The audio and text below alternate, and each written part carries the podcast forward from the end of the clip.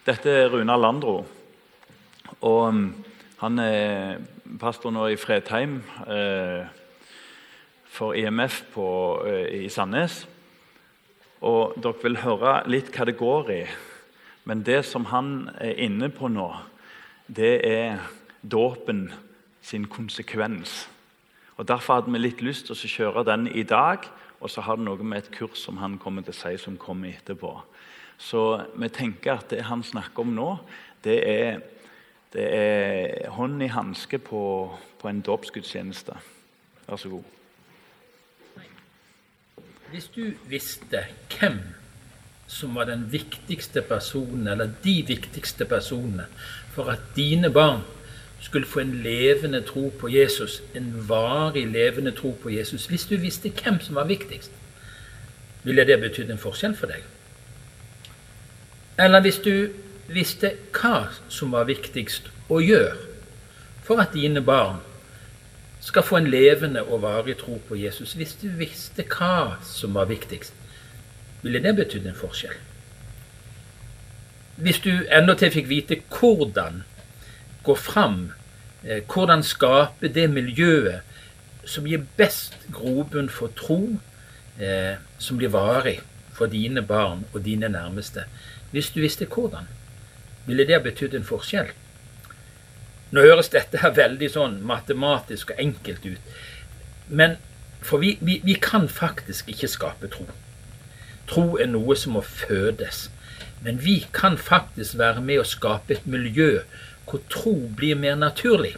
Hvor det blir lettere å få en tro, en varig tro, og beholde den og utvikle den. La, la meg ta med et bibelvers. 2. Timoteus brev, kapittel 1 og vers 5. Jeg husker din oppriktige tro, som først bodde i din mormor Louise og i din mor Evnike, og jeg er overbevist om at den også bor i deg. Paulus skriver et brev til sin unge medarbeider Timoteus, som har en levende tro. Og så sier han den troen hadde din mor. Den troen hadde din mormor. Det var med andre ord et trosklima i familien der som Timoteus vokste opp. Hvordan kan det ha seg? Hvem er de viktigste? Mor og far? Besteforeldre? Nære relasjoner? er de viktigste personene for at barn og ungdom skal velge å følge Jesus livet igjennom. Nære relasjoner. Familie, mor og far, besteforeldre. Hva som er viktigst? Ja, faktisk er varme relasjoner noe av det viktigste. Det er ikke alt det vi sier, det er ikke alt det vi gjør, men at relasjonen mellom oss og våre nærmeste, våre barn, er nære, fortrolige, varme, omsorgsfulle. Det har med det klimaet som vi kan være med å skape. Og så betyr det noe at vi gjør ting mange ganger. At det er faste rutiner, faste liturgier. Vi voksne kan kanskje sy det som pesten, men unger elsker det som gjentas.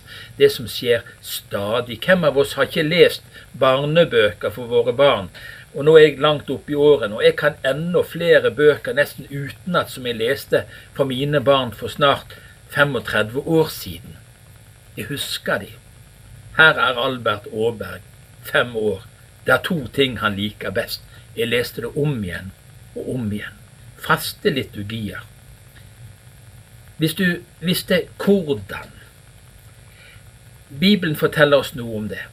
Forskning forteller oss noe om det. Og på mandag 11. Eh, januar så får du en anledning til å være med på en helaften hvor vi skal dukke nærmere inn i det som har med trosformidling. Det må kunne skape, opprettholde, skape et klima hvor troen blir naturlig, blir en del av det livslange løpet som vi får lov å være med å påvirke og formidle videre til de som står oss aller nærmest. Nå handler det for meg og mine barnebarn. Men allerede nå kan dere begynne å snakke om det. Vet du hvor viktig du er? Som far, som mor som besteforeldre, som nære venner i relasjoner med barn og ung, vet du virkelig hvor viktig du er? Og vet du at det handler om mer enn ord. At det handler om måten du omgås, måten du er på, det miljøet som skapes. Hva vil du gjøre med det? Hva vil du gjøre med det at alt det som påvirker barn og ungdom, som de blir utsatt for stadighet, de, de bombarderes av inntrykk, hvordan vil du skape et miljø hvor troen på Jesus stadig dryppes inn i naturlige, troverdige, varme, gode, omsorgsfulle måter å formidle det på. Hva vil du gjøre med det? Dette skal vi snakke mer om, men begynn allerede samtalen der du er, i ditt hjem, i ditt husfellesskap gjerne. Begynn å snakke om det. Og kanskje kan du snakke litt om hvem har betydd mest når det kommer til stykket i ditt liv. For ofte tror vi predikanter at vi betyr så enormt mye. Men kanskje er det helt andre personer som virkelig har betydd noe for at du fremdeles er en som vil følge Jesus og tro på Han. Velkommen til en spennende samling om det mandag 11. januar, og lykke til i forberedelsen. Gud velsigne deg.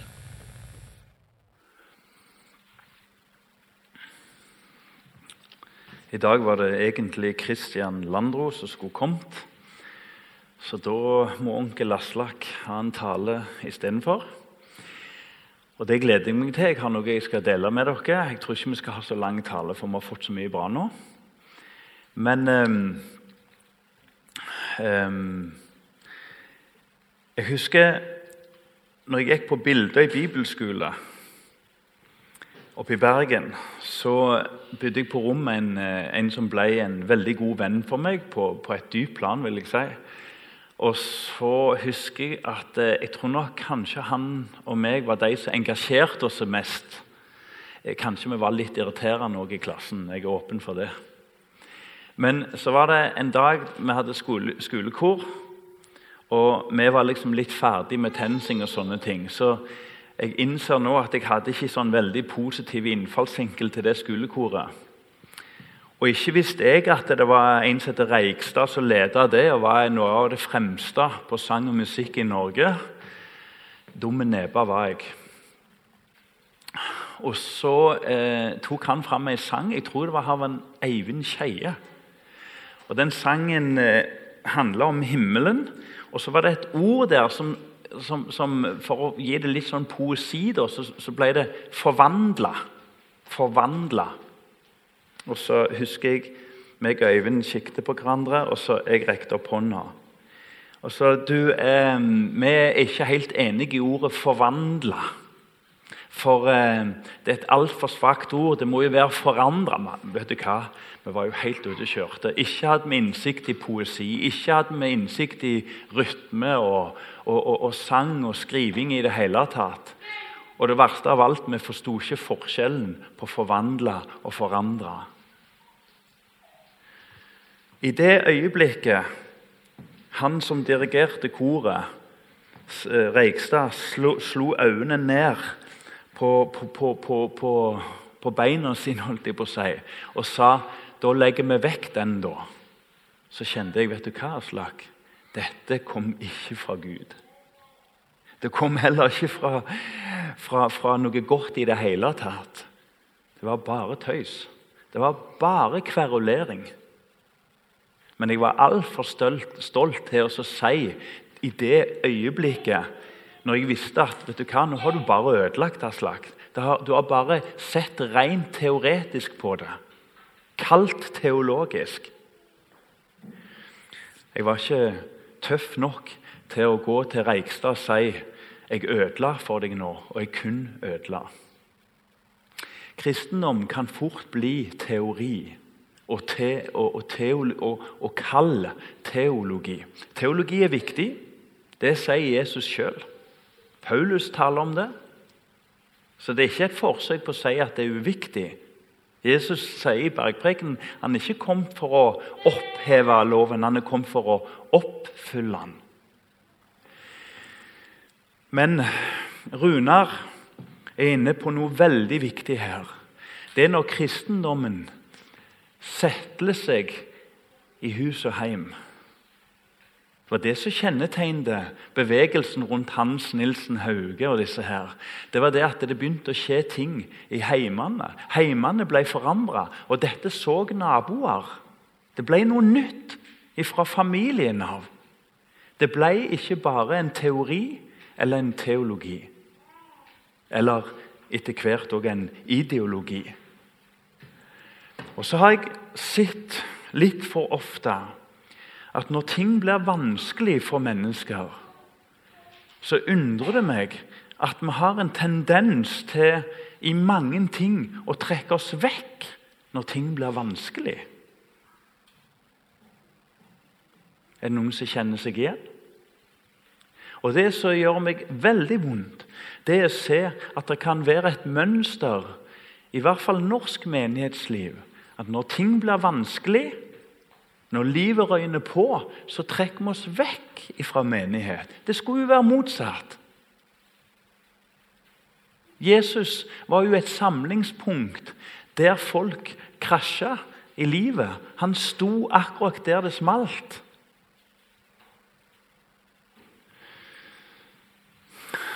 La oss lese 1. Peters brev, kapittel 1, og 6-9. Det er det vi hopper ut av bergpreken nå. Det får dere tåle, som er høstens tema. Men det er dette jeg har fått, og det er det jeg vil dele med dere. 1. Peters brev 1, 6-7. Og Før vi leser det, så kan vi vite litt at eh, disse som Peter taler til her nå, er en forsamling av fattige. Det er veldig mye slaver. De lever i utrolig komplisert hverdag. Og I tillegg så er den religionen, eller veien som det blir kalt De ble ikke kalt kristne, men de gikk på veien. Sant? De ble etterfølgere av den falske Messias. Det var beintøft for dem, for det var ulovlig. Korona blir Det er mest sånn vi kan ikke putte det i samme divisjon. De opplevde prøvelser. Og de var det vi kaller desillusjonerte. Jeg holder på å lese litt om Vietnam hvordan soldater ble desillusjonerte. De vet egentlig ikke helt hvorfor de er ute. Og etter hvert så finner de ut at eh, her er det bare én ting å gjøre, og det er slåss for hverandre. Oppdraget har vi mista for lenge siden. Men de kjenner militærtektikker, de kjenner strategien. De er opplærde, de kan våpenhåndtering. Alt er på plass. Men de vet ikke helt hvorfor de er der. Desillusjonert. Sånn på mange vis hadde disse som Peter skriver dette brevet til. De er desillusjonerte. Derfor kan dere juble av glede. Så kommer den, da. På engelsk så står det altså 'svær glede'. Altså Enormt med volum av glede. Selv om dere nå en kort tid, om så må være, har det tungt i mange slags prøvelser. Slik blir troen deres prøvet. Selv, om, selv forgjengelig gull blir prøvet i ild. Det er jo sånn gull renses. Sant? Troen, som er mye mer verd, må også prøves, så den kan bli til pris og herlighet og ære for dere når Jesus Kristus åpenbarer seg. Ham elsker dere enda dere ikke har sett ham. Ham tror dere på enda dere nå ikke ser ham. Og dere jubler og er fullt av en glede så herlig at den ikke kan rommes i ord. For dere når troens mål, frelse for deres sjeler. Jeg har en bønn når jeg er på jobb av og til. Og jeg erfarer at det er veldig få som sier 'Hei, Aslak, kan du si noe om Jesus?' Det går nesten tiår mellom det. Men jeg kan få lov å be velsignelsesbønner over dem. At de skal få erfare det som jeg sjøl har kjent. At et møte med Jesus kan ikke settes ord på. Det er altfor stort. Munnen min forties. Jeg blir stum i glede og beundring over Han som er kongenes konge. Ok. I denne teksten vår så er det en innledning, vers 1-5. Og I teologien så sier han at liksom, der har du hele kristendommen. før dette verset. Dette med jubel og glede, men en lidelse for en stund. Og så sier, sier Peter sjøl selv troen må prøves. Skal troen prøves? Skal vi ha motgang? Skal vi være åpne for, for vanskelige ting? Um, I de versene som er før, vers 1-5, så står det egentlig om alt det du får i kristendommen. Her er hele teologien. De er utvalgt. De er òg fremmende. Eh, de er kalt fra evig tid av. De er ved ånden via til å være lydige. De, har Krist, de er rensa ved Kristi blod. De priser Herren for miskunnet, for det levende håp, til en arv det er gjemt i himmelen, det er framtidshåp. Alt finner du i vers 1-5. Problemet for tilhøreren er at det ble ikke liv. De visste alt, men var desillusjonerte og motløse. I buddhismen, som jeg ikke kan så mye om, men lite grann så, og gjerne òg flere av Østens religioner, så er gjerne lidelse og motgang sett på som en illusjon. Litt klønete sagt så måtte det vært at det finnes egentlig ikke. Og så gjør en en del øvelser, fordi det er jo en illusjon. I Vesten, sånn det har blitt nå, tenker jeg at lidelse, motgang og vanskelige ting blir nesten sett på som en, en forbannelse.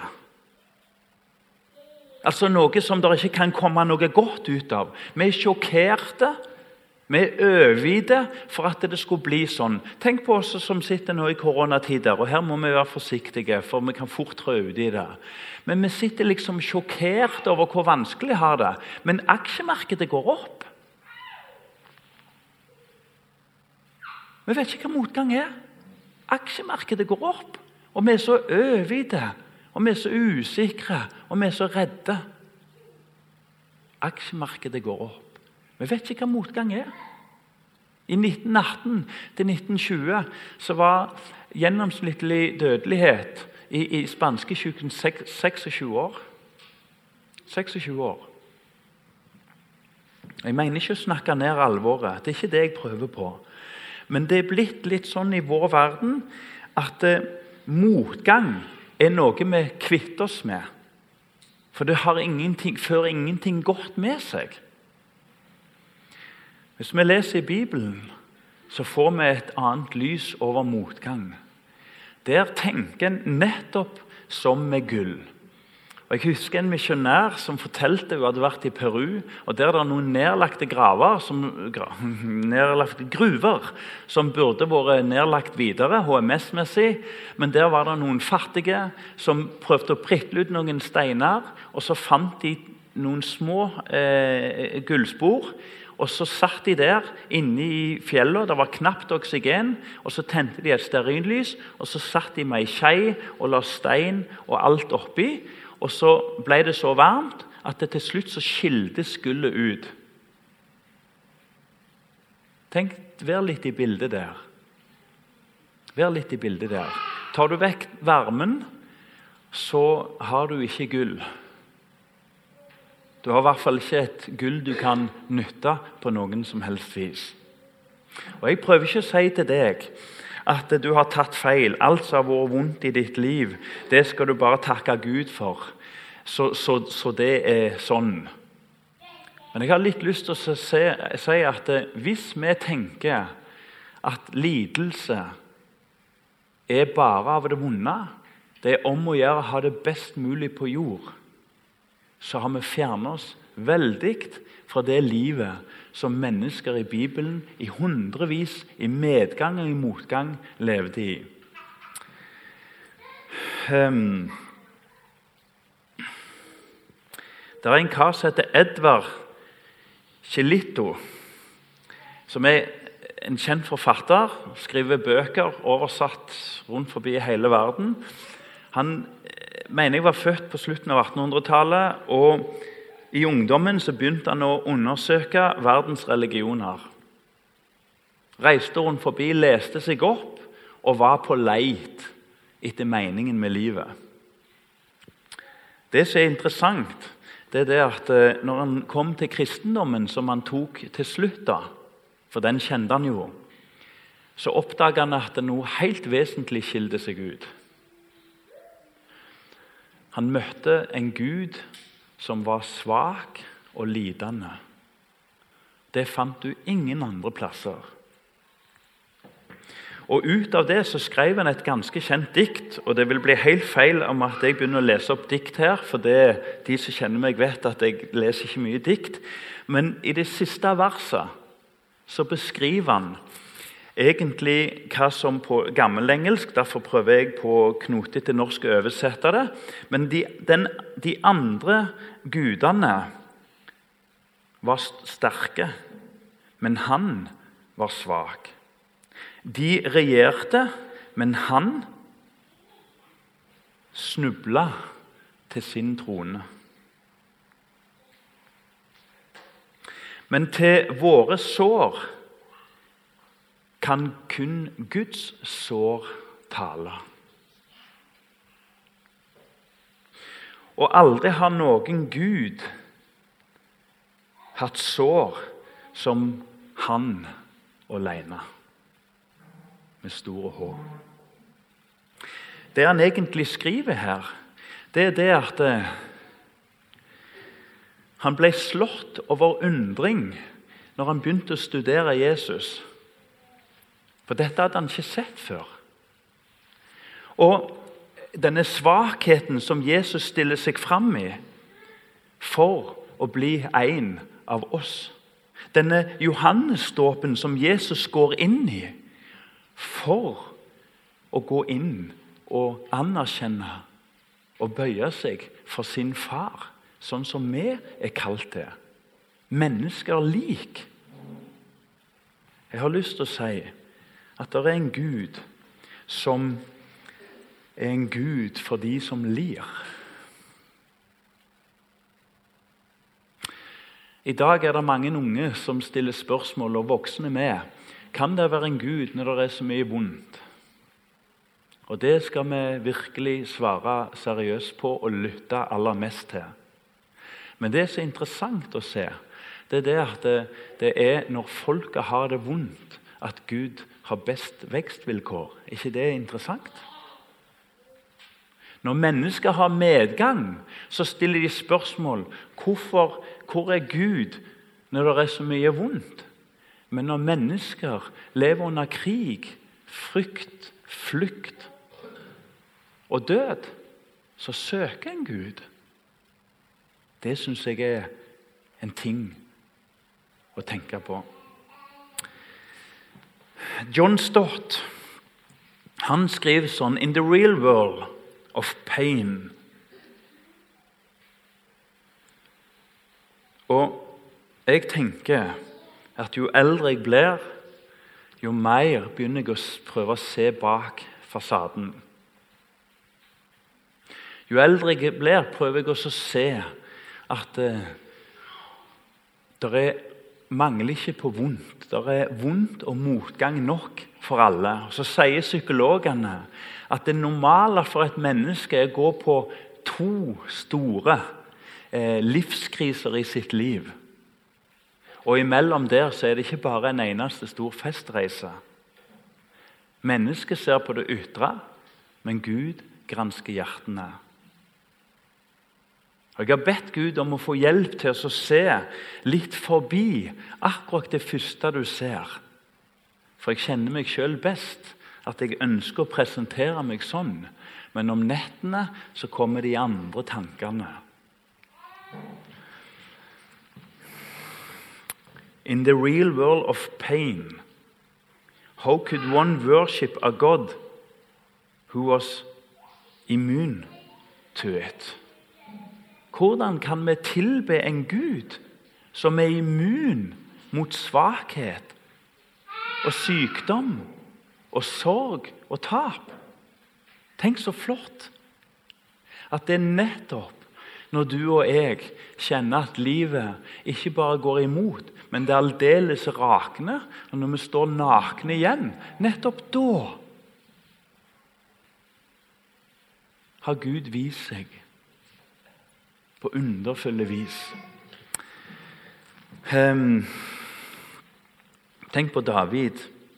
Han um, kom fram til etter Nathan hadde avslørt han for dette forferdelige mordet og sviket og skjulingen og, og, og, og, den absolutte bånd i et menneskes liv, så, så, så sier David i sine salmer 'min Gud'. I de fleste religioner, så langt jeg vet, om ikke alle, så er det ren og skjær blasfemi. Hvem er du, David? Gjetergutt? Ja, konge, for et øyeblikk. Og så sier 'min Gud'. Ja, men det er det han sier i salmene. Min Gud. Kan en muslim si 'min Allah'? Nei. Du drar ikke en sterk Gud ned og sier 'min Allah' som om en var brødre. Som om en var lik. Tenk at når du går ut, og meg går ut herfra til denne dåpsgudstjenesten, så kan vi ikke bare komme fram for Guds trone, krypende, sånn som den bortkomne sønnen tenkte at hvis jeg sier sånn og gjør sånn Men det står vi skal komme fram for Guds trone med frimodighet. Det er bare den såra Gud som er i stand til å møte et såra folk, en såra familie og et såra menneske.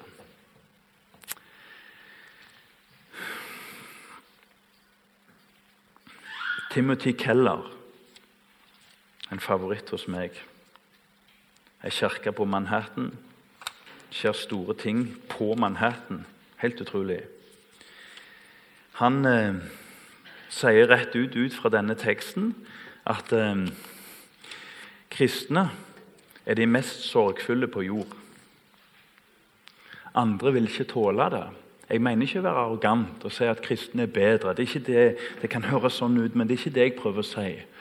Men jeg gjemmer meg bak Timothy Keller, som sier at ingen kan være så sorgfulle som en kristen. For det er kun en kristen som ser forløsning og himmel og håp gjennom Guds renselse. Og Når Timothy talte om det i en podkast, så datt det sånn på plass for meg. Når jeg har prøvd å vitne for venner og nære og slektninger, så har jeg kjent det er jo akkurat sånn det er. En tør ikke snakke sant om livet. Hvor kommer jeg fra? Hvor går jeg? Så mange som får stive skuldre. Det rommet fryser til is når vi begynner å snakke om hva skjer med oss. Hvor går vi hen? For en tåler det ikke. For en fornekter Han som gir framtid og håp. Derfor så sier Timothy Keller ingen kan være så sorgfull som en kristen, for den tåler å gå inn i det vonde på et dypere plan. Den som er helliggjort av Jesus, vil se hvordan en som ikke har møtt Jesus Det var en som sa til meg her om dagen, en person som sier det Jo, fordi Jesus er den som kan dekke alle behov. Og det er Jesus som vet hva behov vi har. Er ikke det interessant? Vi kraver, vi jager, vi lengter. Vi, vi, vi, vi dyrker, vi dyrker en, en, Gud, vi dyrker en, en mening med livet. Eller vi fortrenger han. Og så ser vi at når et menneske møter Jesus, så blir alt nytt. Og så starter, unnskyld meg, en lidelsesvei som leder til en himmel uten smerte. En himmel der Jesus er vår bror. En beskrivelse åpenbaringen gir, som denne gamle mannen på Partners så, Johannes. I mange kristne sammenhenger i dag så er det i bunn og grunn blitt et tabu å si at det er en himmel i det hele tatt. Da blir det vanskelig å gå inn i sorgen. Da blir det vanskelig når alt blir revet vekk fra deg. Og Jeg vil avslutte med et eksempel. Jobb. Er en vanskelig bok, det er en utfordrende bok. Den er i Gammeltestamentet.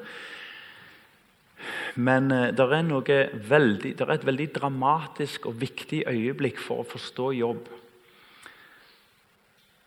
Han fikk jo en velsignelse som, uh, som er vanskelig for oss vanlige å forstå en familie, en økonomi. Han var jo så rik at andre måtte komme og si til ham at du er konkurs. Det trenger ikke jeg hjelp til. Jeg vet det sånn noenlunde sjøl hvor jeg er. Så rik var han. Han var en svært mektig mann. Han ble velsigna med den gildeste familie. Og så starter motgangen. Og Så kommer vennene med all verdens pedagogiske, terapeutiske eh, eh, eh, råd til han. Godt meint, alt. Men Gud driver han dypere og dypere inn i sin fortvilelse. En dag så står det at han flere, når han får høre at hele familien er død, så står det at han flere av seg klær og så skreller han av seg, barberer helt av seg håret. og Så legger han seg ned, og så skriker han etter Gud. Og så oppdager vi at det er jo det som er den sanne lovsang. Den dypeste lovsang er ikke å gjøre seg til i den ene eller den andre tilbedelsesstilen. Den dypeste lovsangen er å skrike etter Gud i fortvilelse. Er det rart mennesker trekker seg vekk fra menighet hvis en oppfatter at det er et sted for medgang? Tenk så rart hvis en hadde midt under navnet Jesus lagt seg ned og begynt å skreke etter Gud. Kanskje noen hadde tenkt Jæren DPS? Ja, Jeg har lyst til at fokus skal være et fellesskap.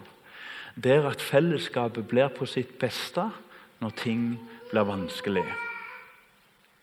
Og så skal ikke bare jobb, men vi skal alle få kjenne gode venner som bærer og ber og løfter oss fram.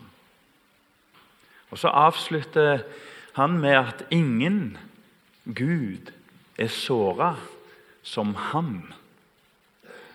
Han sier jo rett ut Guds vei til seier over Satan og de vonde maktene, som Bibelen setter ord på, som òg er blitt tabu i dag Guds vei til seier er en snublende tømmermanns sønn opp via Dolorosa. Skjønner vi at vi har en Gud som leder til seier gjennom lidelse? Guds velsignelse til hver og en.